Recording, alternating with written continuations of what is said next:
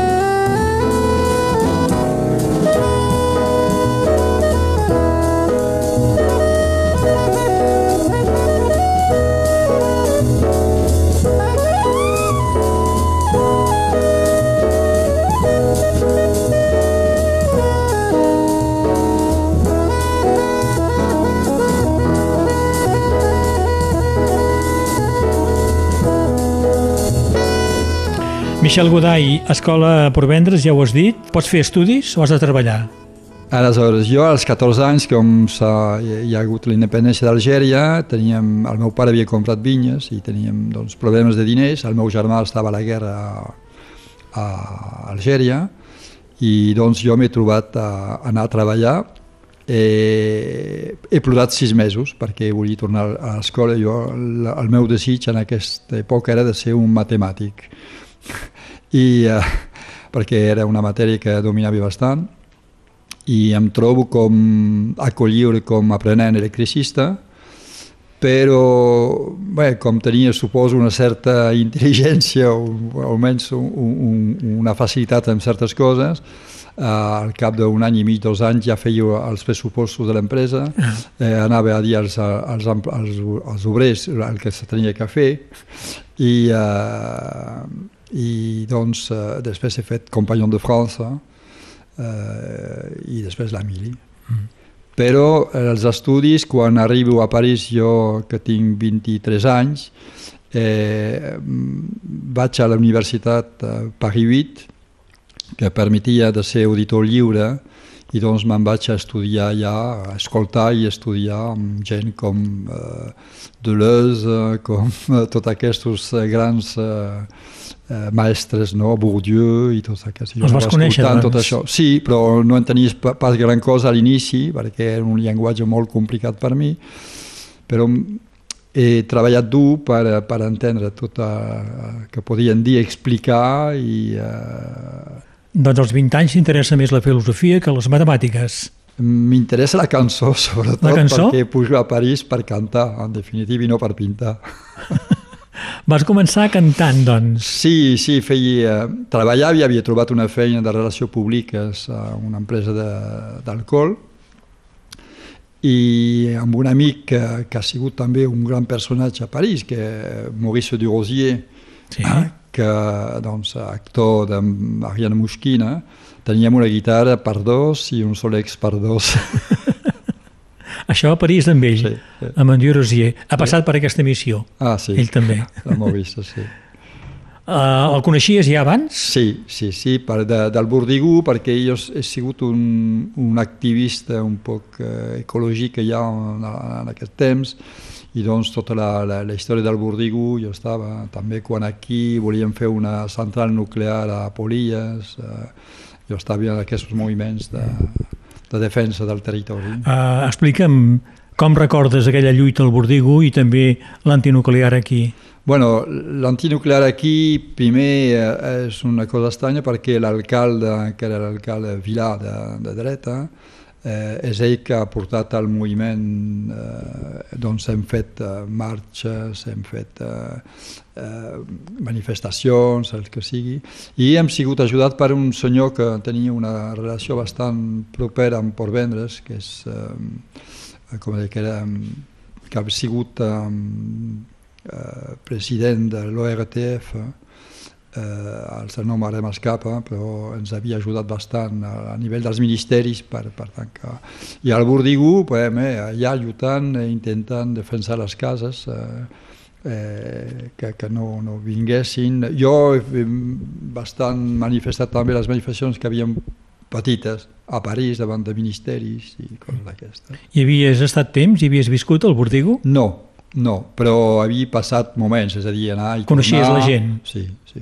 Mm. Anar i tornar i quedar allà, passar el dia, tornar, sí. Es va guanyar en l'antinuclear i es va perdre al Bordigo. Exacte, exacte. Altres lluites d'aquell temps? Eh, sí, Va seguir? sí, unes que, bueno, que hem sigut perseguit bastant temps, eh, per, eh, amb amics, eh, no sé si puc dir això, però eh, hem forçat, diguem el govern de Giscard d'Estaing a, a crear la Comissió Informàtica i Llibertat. I també a París he lluitat molt per la alliberació de les ondes eh, radiofòniques, eh, muntant radiolibres, sí. I una altra també lluita eh, amb els... Eh, amb l'antipsiquiatria, Basaglia i Slavich, eh, tots els eh, congressos que feien cap al sud de França per, eh, per obrir els, eh, l'espai al carrer als, als bojos. No? I un dels primers treballs que faig a Venècia és un reportatge fotogràfic sobre el carnavals dels bojos Perquè tu ets pintor i fotògraf. i videasta. I videasta també. Michel Goday continua mobilitzat per lluites que es presentin De moment no. o bastant com abans? De, no, no, no, ha, so, crec que hi ha, hi ha, hi ha gent jo, més jove potser, però sí, sí, surt una, sorgeix una cosa que sí que tinc que, que anar-hi, eh, probablement sí.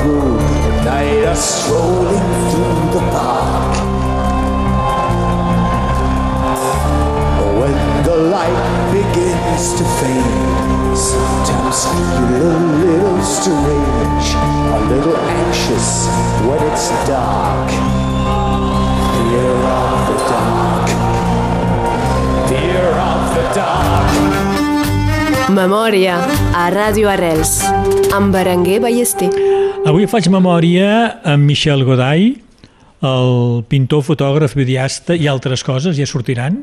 Sem al seu taller aquí a Portvendres, un taller, ja ens ho ha explicat, cedit per la Moresca, aquest Institut Mèdico-Educatiu, que acull mainatges deficients intel·lectuals. En aquest taller ell ha preparat tota aquesta exposició sobre la Madalà que podeu veure encara fins al 15 de setembre al Castell Reial de Colliure.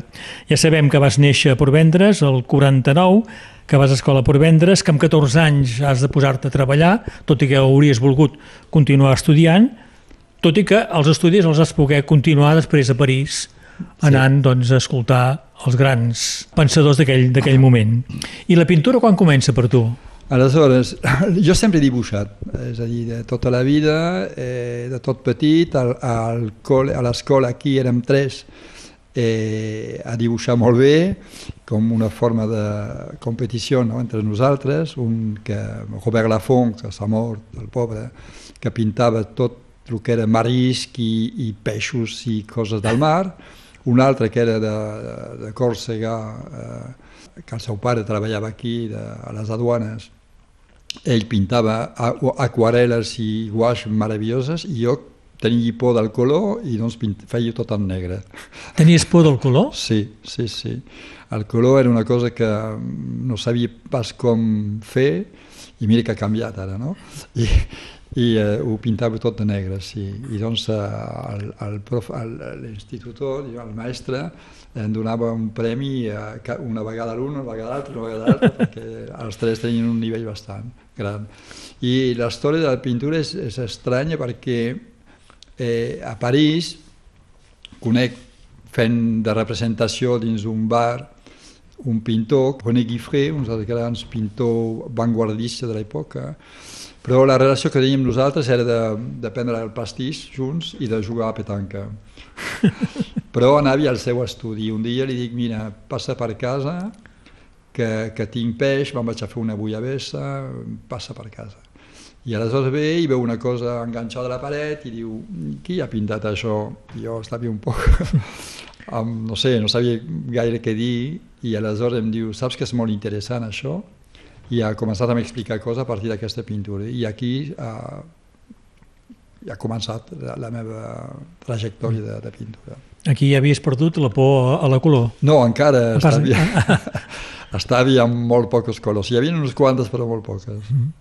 A part de dibuixar, hi havies pintat aquí a Catalunya Nord o vas esperar a anar a París? No, no, he anat a París eh, primer i després he tornat eh, aquí amb el tema de Colliure i que, que han sigut les primeres coses que he ensenyat, però Colliure és tot en blanc i negre encara. Mm -hmm. Abans ens has dit que havies anat a París no a pintar, sinó a cantar, Exacte. amb Maurice Diorosier.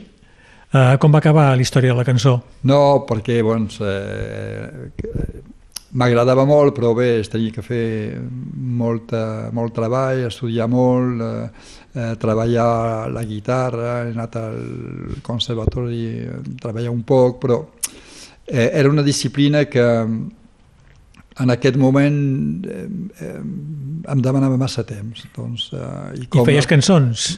No, no, o, cançons altres. Ah. No, no, no, no. De qui cantaves cançons? Bueno, havia de tot, havia bracers, gent desconegut, eh, però sempre cançons de, per riure, no? Ah. que m'agradava molt, tipus Bobby la Puente, tipus aquest tipus de, de coses. Continues cantant? No, però sí, cantant, sí, per, per mi mateix, sí, sí, sí, així, sí. Doncs eh, Tens 22 anys, quan te'n vas a París, crec que vas fer de guia amb una exposició de Cézanne. Exacte. Aquí va començar alguna història, no? Eh, sí, a veure, la història havia començat abans, perquè eh, jo, quan al cap de 4 anys o, o 5, no em recordo pas, de, de treballar com relació pública en aquesta empresa, eh, deixo aquesta feina, Eh, faig una feina durant un any de director comercial per una empresa d'aquí, de, de Perpinyà, Roussillon Alimentaire, i després deixo tot això per dedicar-me a l'art. Eh, tenir facilitat per guanyar diners eh, fent co coses eh, i, i com tenia tota aquesta formació d'electricista de, i de compagnon de França, molt ràpidament he començat a, a fer feines per museus d'instal·lació d'exposicions, etc. Doncs ja estava ficat ja dins el món de, sí. de l'art contemporani i, uh, i un dia hi ha un, un a través d'amics em diuen mira, necessito una persona per fer guia dins d'aquesta exposició de Cézanne eh, però a nivells d'empreses, no, no públic, eh, comitè d'entreprise. Doncs, eh, eh, dic eh, endavant, doncs, estudi un poc més al Cézanne, era un pintor ja que m'interessava, però no tenia tanta, tant coneixement com, com ara. No? I eh, treballant i estudiant Cézanne, dic, mira, endavant. I, i he fet doncs, durant tota aquesta exposició guia de, de, de, de, per a aquesta gent. Mm -hmm. que venia. I era molt divertit perquè quan començaves la primera sala, que eren uh, els bodegons, tot eren les pomes, eren iguals, no, més o menys, parells, no? I, i el públic en general mirava, mirava, i els dos o tres primers quadres que venien de Rússia, que eren de una, un llistó de fusta, quan passaven al quart, que era un, un marc eh, eh, molt, eh, molt nutrit, molt, eh, molt ric, diuen, oix, el marc és bonic, no? Deixaven la pintura. es fixaven més en el marc. Tan interessant, sí, sí. I doncs la muntanya és el que m'interessava més d'aquesta part de l'exposició amb el retrat, sí. Perquè Cézanne va pintar repetidament una muntanya també. Això pot donar la idea pues la, la Santa Victoire, sí, sí, perquè jo quan tornava de Barcelona eh, passant ja per Figueres la veus, no? Eh, dius, hòstia, aquí la tens. La Madaloc. Sí, sí. Petita, però es veu molt bé. I després baixant aquí per Argelès, eh, també la veus. I aquí passes aquí Colliure i és aquí. I, i dic, un dia la tinc que pintar, un dia la tinc que pintar, però se, no pensava pas amb la Santa Victoire de Cézanne. No, eh, una cosa que dic, aquesta muntanya simbòlica l'has de pintar. Jo també tinc, tenia, l'he venut aquest any, una vinya, i quan estava assentat aquí a la vinya, perquè sempre l'he treballat, que pertanyia al meu avi i al meu pare després, tenia la muntanya aquí davant, doncs eh, he, he passat vuit anys, vuit anys abans de, de dir m'hi fico, no? mm -hmm. eh, amb aquesta idea de fer alguna cosa amb aquesta muntanya. I clar, quan tu comences el projecte, vas buscant referències sobre muntanyes, eh, vas buscant, mirant el que s'ha fet, i clar, eh, aquí hi ha una, un personatge incontornable que és el Cézanne, perquè la Santa Victoire sí. és aquí, molta gent l'ha pintat, i dius, mira, també hi ha una altra muntanya que és a Montpellier, el Pic Saint-Loup, i dius, i per què no fer una tercera muntanya i fer un triangle de les muntanyes simbòliques del sud del Mediterrani? I a partir d'aquí, clar, engegues i diu, ara com començo el projecte? Com, com ho tinc que engegar? I dius, ah, després de totes les lectures que havia fet de, sobre Cézanne, al final de la seva vida parla de, de, de la relació del, del cel amb la mineralitat de la muntanya. I clar, eh, ell mor, doncs no pot eh, continuar aquesta obra. I dic, mira, jo me'n vaig a prendre com punt de partida aquesta part, el cel, la muntanya i a més a més tot això té una, una dualitat d'agressivitat. I la muntanya de la Madroc permet aquesta agressivitat perquè quan tens l'altra muntanya que bufa a 180 o una tormenta de pluja o, uh, o hasta quan tens un llevant que, que estàs a dalt i, o, sense, sense el llevant és el punt de partida i li has de donar una personalitat a aquesta muntanya. Doncs aquí Colliures la bressol del fauvisme, doncs endavant amb els colors del fauvisme i el teu treball, tot el que has fet durant la teva vida de pintor, com eh, signatura, diguem, com marca de fàbrica de tot això. Mm. Doncs aquest lligam de les, tres coses s'ha fet. Hi ha gent, quan he començat a, a explicar el projecte, m'han dit, hòstia, és que el eh, que fas, el que vols fer és molt difícil, és una cosa molt, eh, molt complicada, eh, és a dir, introduir aquestes tres coses. I quan la Josefina Matamoros ha passat i ha vist l'exposició m'ha dit mira, has creat la nostra Santa Victoire. Sí? La veritat te felicito perquè és una cosa meravellosa. Quantes pintures eh, has fet de la Madaloc? He pintat un centenar en dos anys i al castell hi ha 66 perquè eh, estem aquí, 66. Simbòlicament també és una cosa que compta. I això pot continuar? Aleshores, hi ha avui en dia eh, un inici de, de, de negociació o de, bueno, de preparació de projecte amb un museu eh, que, sigui, que serà o Marsella o Aix per fer una exposició de les tres muntanyes que seria la Santa Victoire, el Pic Salou i la Madroc. Aleshores, no sé com, si es fa com ho muntaran, però de la Madroc sóc l'únic pintor que Sí, ho ha fet. per ara. Sí. doncs eh, tinc avantatge. sí. Del Pic Saint-Loup hi ha molts pintors que l'han fet. Hi ha dos o tres, Dos o tres. sobretot Violés, que és Sí. sí. el que ha treballat més al Pic Sant Lu. Crec que per fer aquestes pintures sobre la Madaloc, primer les dibuixes. Treballo a, a aquestes pintures eh, de, du- de dues maneres. La primera és eh, un, un esbós eh, eh, amb una cartolina i quatre eh, llapisos eh, o, o, o tisses o el que sigui. La segona és amb una digital, una tablet, que estic fent notes eh, ràpides de, de digital, i la tercera és d'agafar formats petits, 33 per 41, que vaig eh, in situ i amb eh, la guaixa dels alumnes, dels, dels estudiants, això que val 3 euros i pico, eh, faig quatre notes de color, és a dir, com feia un poc amb un Rembrandt o el que sigui, posar la llum i, i, i, i l'ombra. I a partir d'aquí torno a l'estudi i tot això està, tot és pintat a l'estudi. És a dir, les llums els ho poso jo a l'estudi, eh, la mirada, els colors, etc. Ja no tinc pas... La muntanya ja no està, ja ha desaparegut de, de la vista, diguem, però està aquí dins del cap. Sí.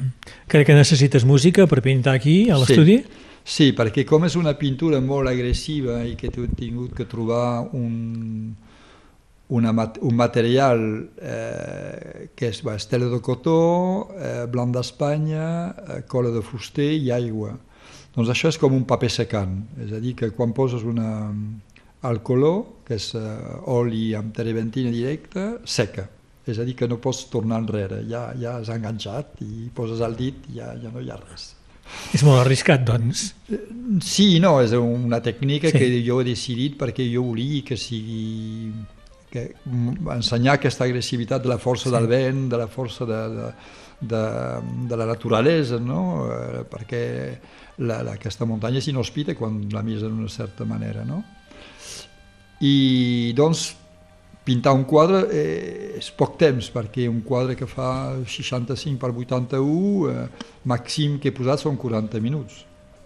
Doncs pintes ràpidament. Sí, i aleshores necessites música, doncs música és eh, rock metal, és jazz fusion, és eh, salsa, i ja està, eh, m'he trobat ballant, eh, pintant la salsa. Vols dir que la música et dona el ritme de la pintura?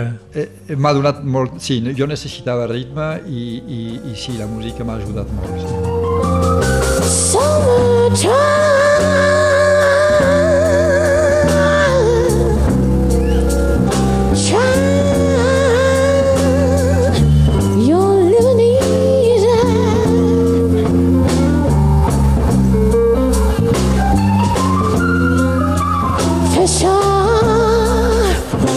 some shopping.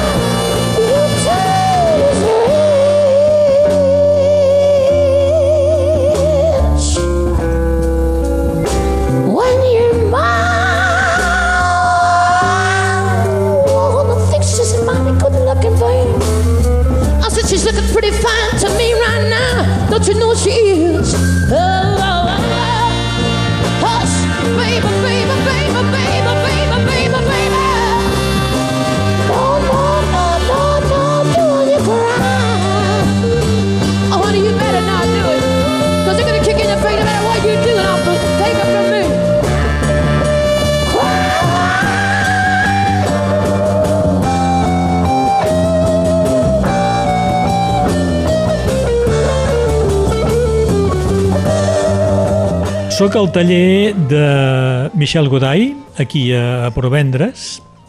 Ja hem parlat d'aquesta exposició i com l'ha feta a la Madaloc 360 graus, carnet de notes, que ha exposat tot aquest estiu al Castell Reial de Colliure fins aquest 15 de setembre.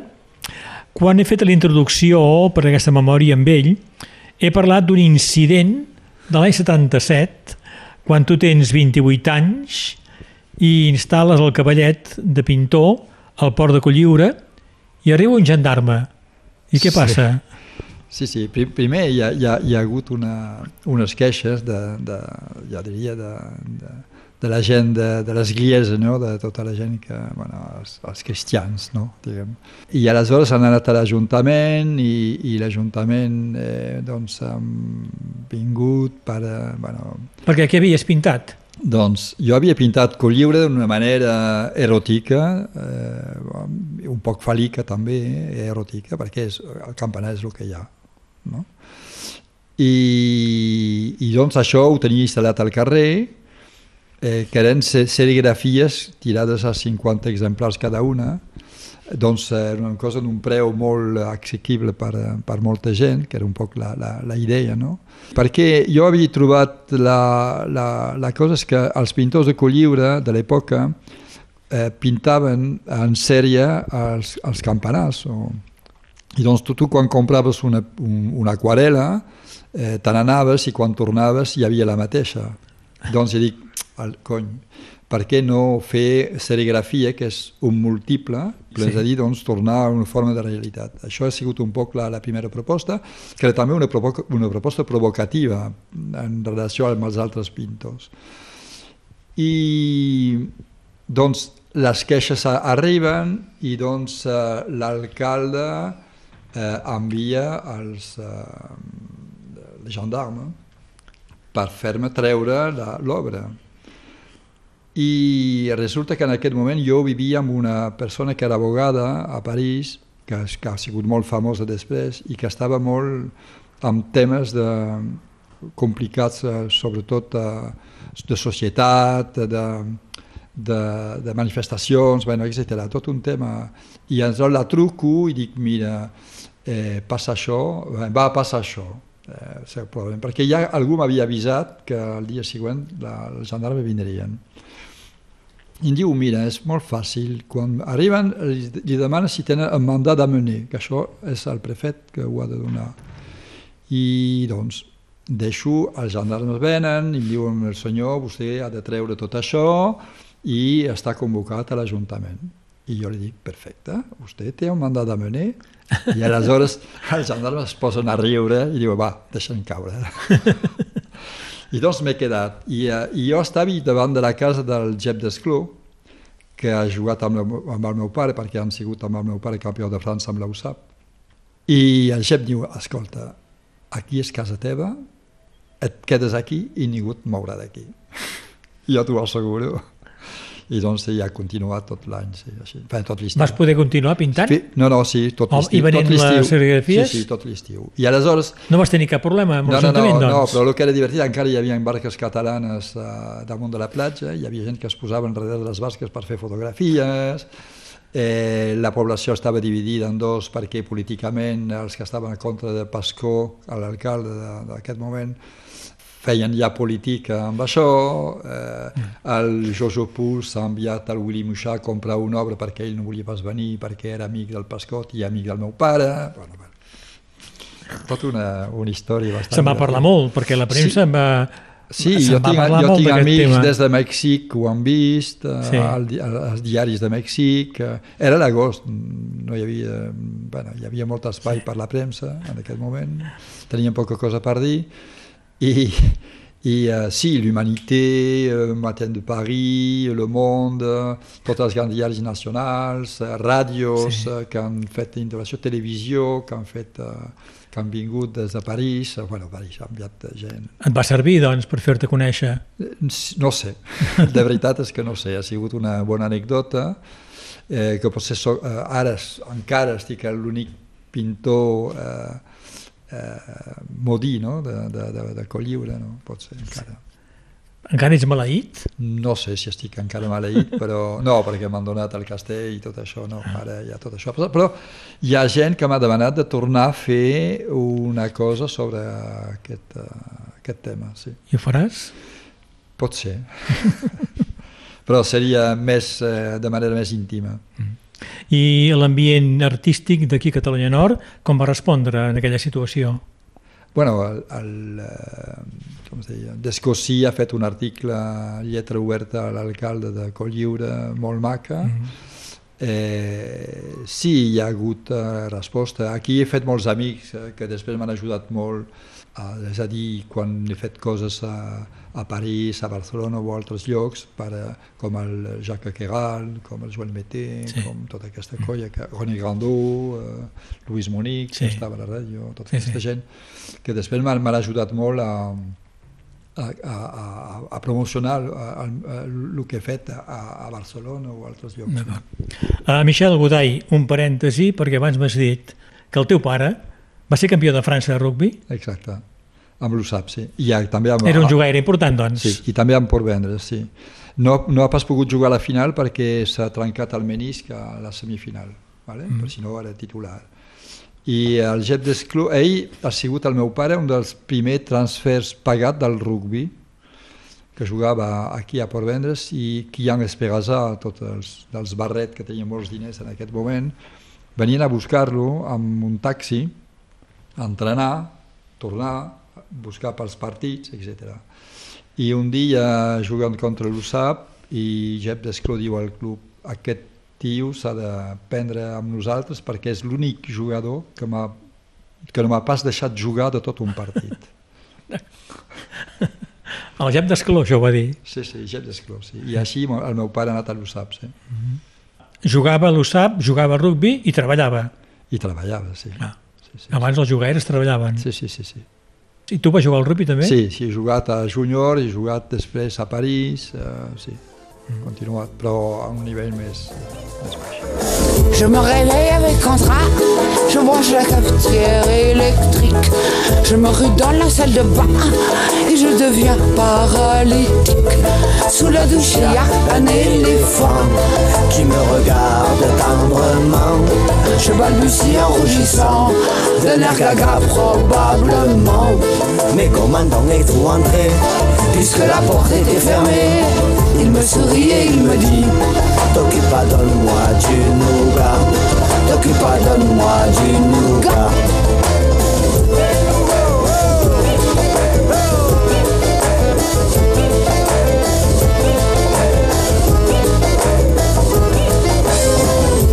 sur le téléphone. Je fais le 17 et je donne. J'habite au 1 de la rue d'Idouche. Y a un éléphant dans ma douche. Le flic me dit, vas-y toi-même, ça résoudra tous tes problèmes. Déboussolé, je redéboule. Là où j'ai laissé ce ma boule. La douche est vide, il est parti. Le voilà couché dans mon lit. Il me regarde et il me dit Écoute-toi, donne-moi du nougat Écoute-toi, donne-moi du nougat Memòria a Ràdio Arrels amb Berenguer Ballester Michel Godai, a Barcelona l'any 1980 presentes una exposició a la Fundació Miró. Sí, sí, sí. En aquell moment ja jo havia fet uh, dues exposicions grans a, a França, una a Lyon, a l'Espai Lyonès d'Art Contemporani, que era un poc el que ha sigut després el Museu de Lió, i un altre a un centre d'art contemporani important a les afores de París, a Montreuil-sous-Bois, que eren eh, instal·lació de paper estripat damunt de vidres, eh, gran formats, perquè Lió feia 26 metres 50 per 5 metres 60 d'alt. I la Fundació Miró, eh, jo català, s'ha interessat per, eh, per aquesta obra, i doncs eh, el, eh, que era Vicenç, eh, Francesc Vicenç, que era el director, però a més a més un gran polític eh, català, sí.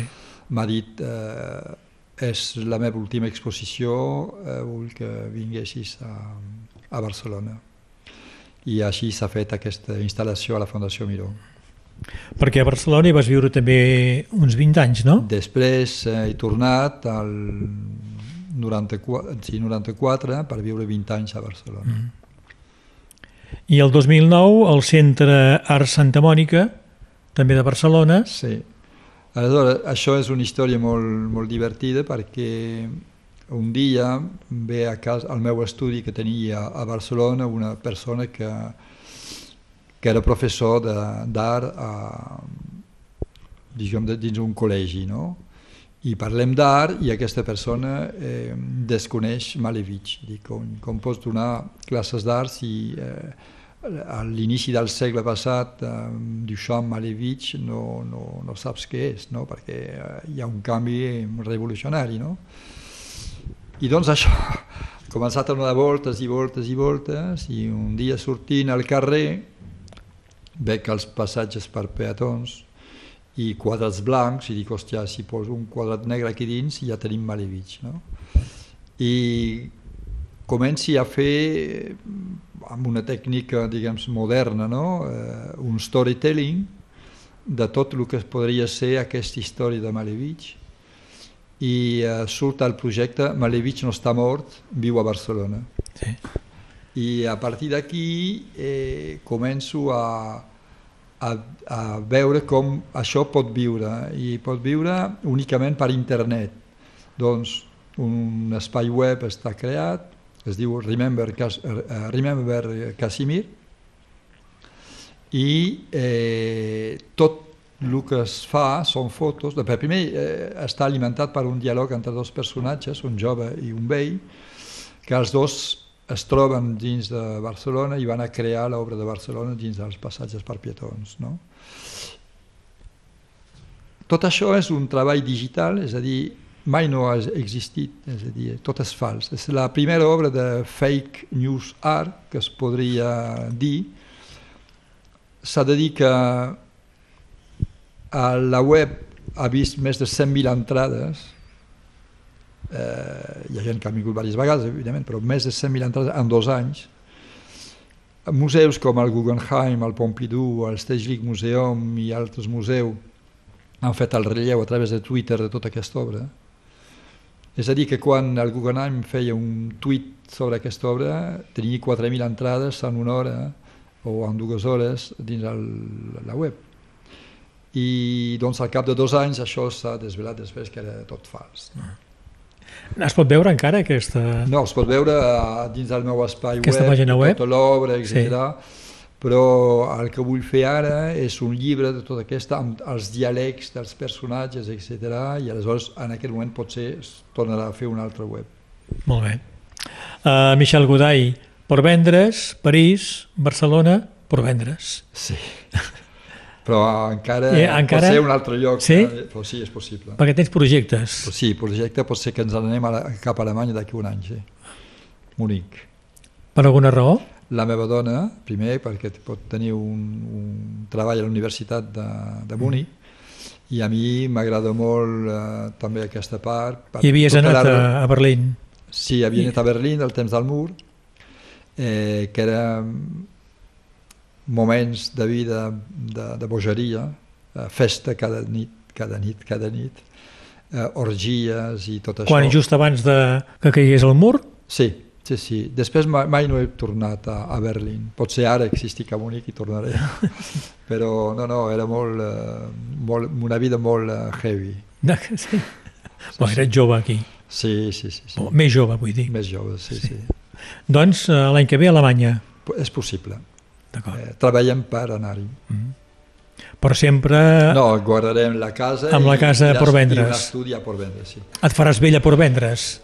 Sí, almenys una part, eh, diguem la, la, la, allez, la cama esquerra, sí.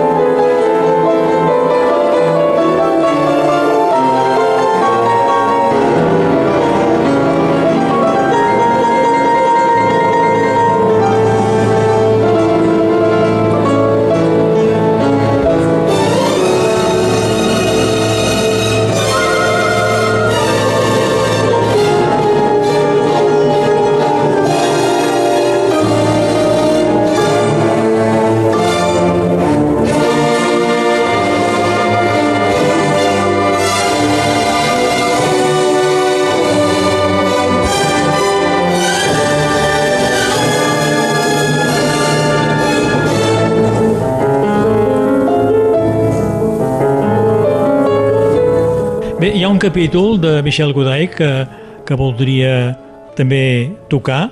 Ha fet periodisme esportiu, ha fet cròniques de futbol. Michel. Exacte, sí. Com va començar aquesta història? Bueno, Perquè, clar, tu has jugat al rugby. Sí, jo he jugat al rugby, però un, un, jo feia tenir un blog de cultura eh, per amics i bueno, gent eh, que em coneixien, no? I eh, un dia un amic que, que treballava al diari L'Equip em truca em diu mira, l'Independent que està buscant una persona per fer un article d'un Barça-Madrid però vist des d'un bar. I eh, et pot trucar? I dic, "Uah, sí.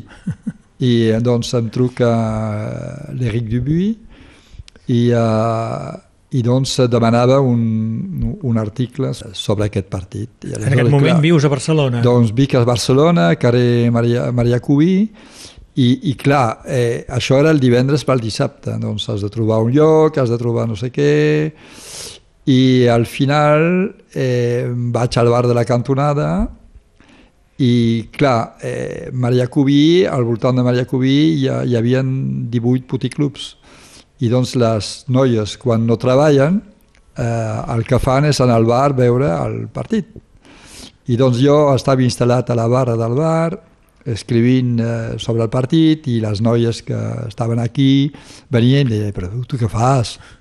i eh, s'acutaven, no? posaven les lletres aquí quasi damunt del teclat i, i jo fent això, escrivint. I aleshores he fet un article eh, sobre això, sobre aquest tema del bar, de les prostitutes, etc etc. I doncs això eh, ho he enviat i, i doncs eh, ha sigut eh, ja publicat. A l'Independent? Sí, sí, sí. D'acord. sí, sí. És a dir, que quan hi ha un Barça-Madrid, les prostitutes no treballen. No treballen pas, és a dir, es queden, es queden a, a, al bar, Sí. totes surten per veure el partit. Hi ha que són del Barcelona, altres que són del Madrid, i, i, i doncs tot això dona una vida bastant eh, interessant. I Doncs aquesta va ser la teva pri- primera crònica futbolera? Eh, sí, sí, sí, sí, sí, sí, sí. I vas continuar després? Sí, després he continuat fent cosetes amb, amb, amb l'Independent i després eh, eh, una agència que treballa amb Le Monde m'han demanat co coses per, eh, per publicar també, que eren petits articles i eh, després he fet una col·laboració amb una cosa que no existeix, que és TPS, eh, que l'amic eh, que era l'equip m'havia demanat eh, d'ajudar i eh, que ha sigut una, un reportatge sobre Ronaldinho, després eh, cadena Al Jazeera que em volien eh, interviews de jugadors catalans però eh, amb l'interviu en català traduït al francès eh, de manera instantània doncs em demanaven també de, de, de col·laborar, doncs em pagaven pa, pa, m'invitaven per pagar-me a un cuscús a Barcelona i tots contents. I has pogut fer intervius de jugadors del Barça, doncs. Sí, doncs el Xavi, el Valdés, el, eh, l'Albés, en castellà, el, eh, eh, el Puyol, evidentment. El Messi? El Messi quan ha començat, a l'inici, l'inici, l'inici. Encara tenia els cabells llargs i, i, i, i es podia fer amb tota la il·lusió que tenia, per, però després ha sigut impossible. I això de cronista de futbol va durar temps? Bueno, jo tot, eh, he començat quan el Puyol ha començat eh, per Bengal, sortint al, al, al camp, i he acabat quan ell s'ha jubilat. T'hi coneixes bé, doncs, eh, en futbol. bueno, ara sí, ara Sí. sí, sí he après. El segueixes, doncs, encara. Poc, poc, poc, poc. poc. Bé, arribem ja a la fi d'aquesta memòria amb en Michel Godai. Li he demanat quines músiques vol que acompanyin aquesta emissió. No sé si són els mateixes que t'acompanyen o que t'han acompanyat fent almenys dues, l'exposició. Almenys dues, sí. sí Quines? Sí, sí. Una que és uh, John Coltrane, que Sí. és... Uh, bé, so, són llargues, doncs suposo que se tindrà que posar Sí, abstractes. sí, seran abstractes. Doncs uh, John Coltrane, My Favorite Things. Sí, és llarg, Eh, això. Sí, és llarg, però eh, Coltrane té una cosa que, que, que, que diu als seus músics eh, eh, no, te, no, no feu cas de l'harmonia, no feu cas de la partitura, eh, deixeu-vos anar. I, eh, I doncs això m'agrada molt, eh, aquest esperit eh, del Coltrane. Després tenim una que m'ha acompanyat, que és uh, Fair, Fair of the Dark, Fair of the Dark de Sí. Iron Maiden, perquè aquesta música quan la toquen en públic a les primeres notes tota la gent la canta, 50.000 persones, giren els micros i ells la, la xiu-xiuegen. Sí. És a dir, eh, Deixen que canti el deixen públic. el públic i ells toquen, la, la, Sí. la banda toca. Doncs això per mi és eh, un, un gran èxit eh, de comunicació entre una obra i un públic. Janis Joplin, Summertime, Woodstock, eh, llibertat sexual, eh, inici de, de, de la llibertat en definitiva, no? i d'una altra manera de vida, doncs, eh, i aquesta veu que és per mi com el crit de Munch, no? que es podria sí. posar el quadre de Munch darrere i aquest crit. Després l'altre que és eh, eh, Déjanté, no? eh, Brigitte Fontaine, Sí. eh, le Nougat, que per a mi aquesta dona és tot eh, de, de volupté, tendresa, però al mateix temps eh, eh, desfer les coses, eh, inconformista, etc. Doncs m'agrada molt. I per acabar, eh, és, jo diria l'introducció de, de Bernstein quan presenta Glenn Gould al concerto número 1 de Brahms, piano i orquestra, perquè Bernstein diu al públic no sé aquí en aquesta obra qui és el cap, si és Glenn Gould o si sóc jo. Ah.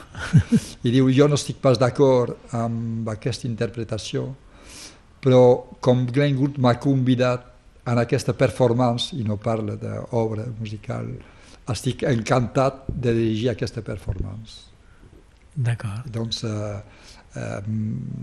la part piano, Sí. quan, quan, perquè hi ha una introducció i després eh, la part piano, doncs pot ser un tall d'aquí i la part del piano, Molt bé. però per a mi és una, és una obra que almenys Bernstein que, que reconeix que, que pot haver-hi obra que tu no, no, no pots estar d'acord però que, que existeix i que té molta importància. Uh, Michel Godall, gràcies d'haver-me acollit aquí en aquest taller Gràcies a uh, tu a per haver Vendres. Continuaràs treballant avui? Avui no. Pintaràs avui? No, avui no, perquè la Madroc em demana molta, molta presència. Vas a l'exposició? Aquests últims dies, sí. Sí. Eh, gent que venen de Barcelona, eh, gent que venen, eh, que em truquen, i aleshores... Eh, Ets content de, de com eh, ha reaccionat el públic? sí, hi ha hagut... Eh, jo he tingut molts intercanvis quan estava allà amb gent, i gent que han tornat dues o tres vegades i l'altre dia, per exemple, eh, diumenge passat, una senyora que, que ha vingut a convidant tres persones per veure aquesta exposició. Doncs per mi és un premi. Molt bé. Merci. Ja sabeu, Madaloc, a 360 graus, carnet de notes, fins al 15 de setembre, al Castell Reial de Colliure, la muntanya de la Madaloc, vista per Michel Godall, pintada per Michel Godall. Michel, gràcies. Merci a tu d'haver vingut i per aquest interès. Bon dia. Bon dia.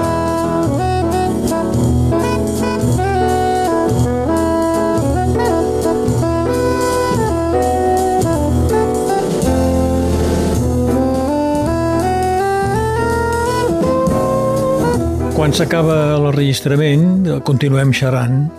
Em regala una Madaloc. M'explica. És un estudi preparatori fet a l'iPad. L'esbós del que serà una de les pintures exposades al Castell Reial de Colliure. Em sap greu no poder acceptar la seva invitació de visitar amb ell l'exposició. Ens hem trobat a casa seua i amb el meu cotxe hem anat fins a l'estudi que li han deixat dins del recinte de la Moresca. Ell torna a peu a casa. Abans de marxar m'ensenya les bigatanes que porta. Ja les havia remarcades. Des dels 18 anys que vaig amb bigatanes a tot arreu hauré viscut, em diu. A París, a Nova York, a Berlín... He hagut d'explicar molt sovint d'on venen i com estan fetes. Fa un dia esplèndid a Port Vendres. Dies després, en Michel Godall em comunica que l'exposició Madaloc, al Castell Reial de Colliure, s'allarga una setmana més. Doncs no acaba aquest diumenge 15, com hem dit, durant l'enregistrament, sinó l'altre diumenge, el dia 22 de setembre.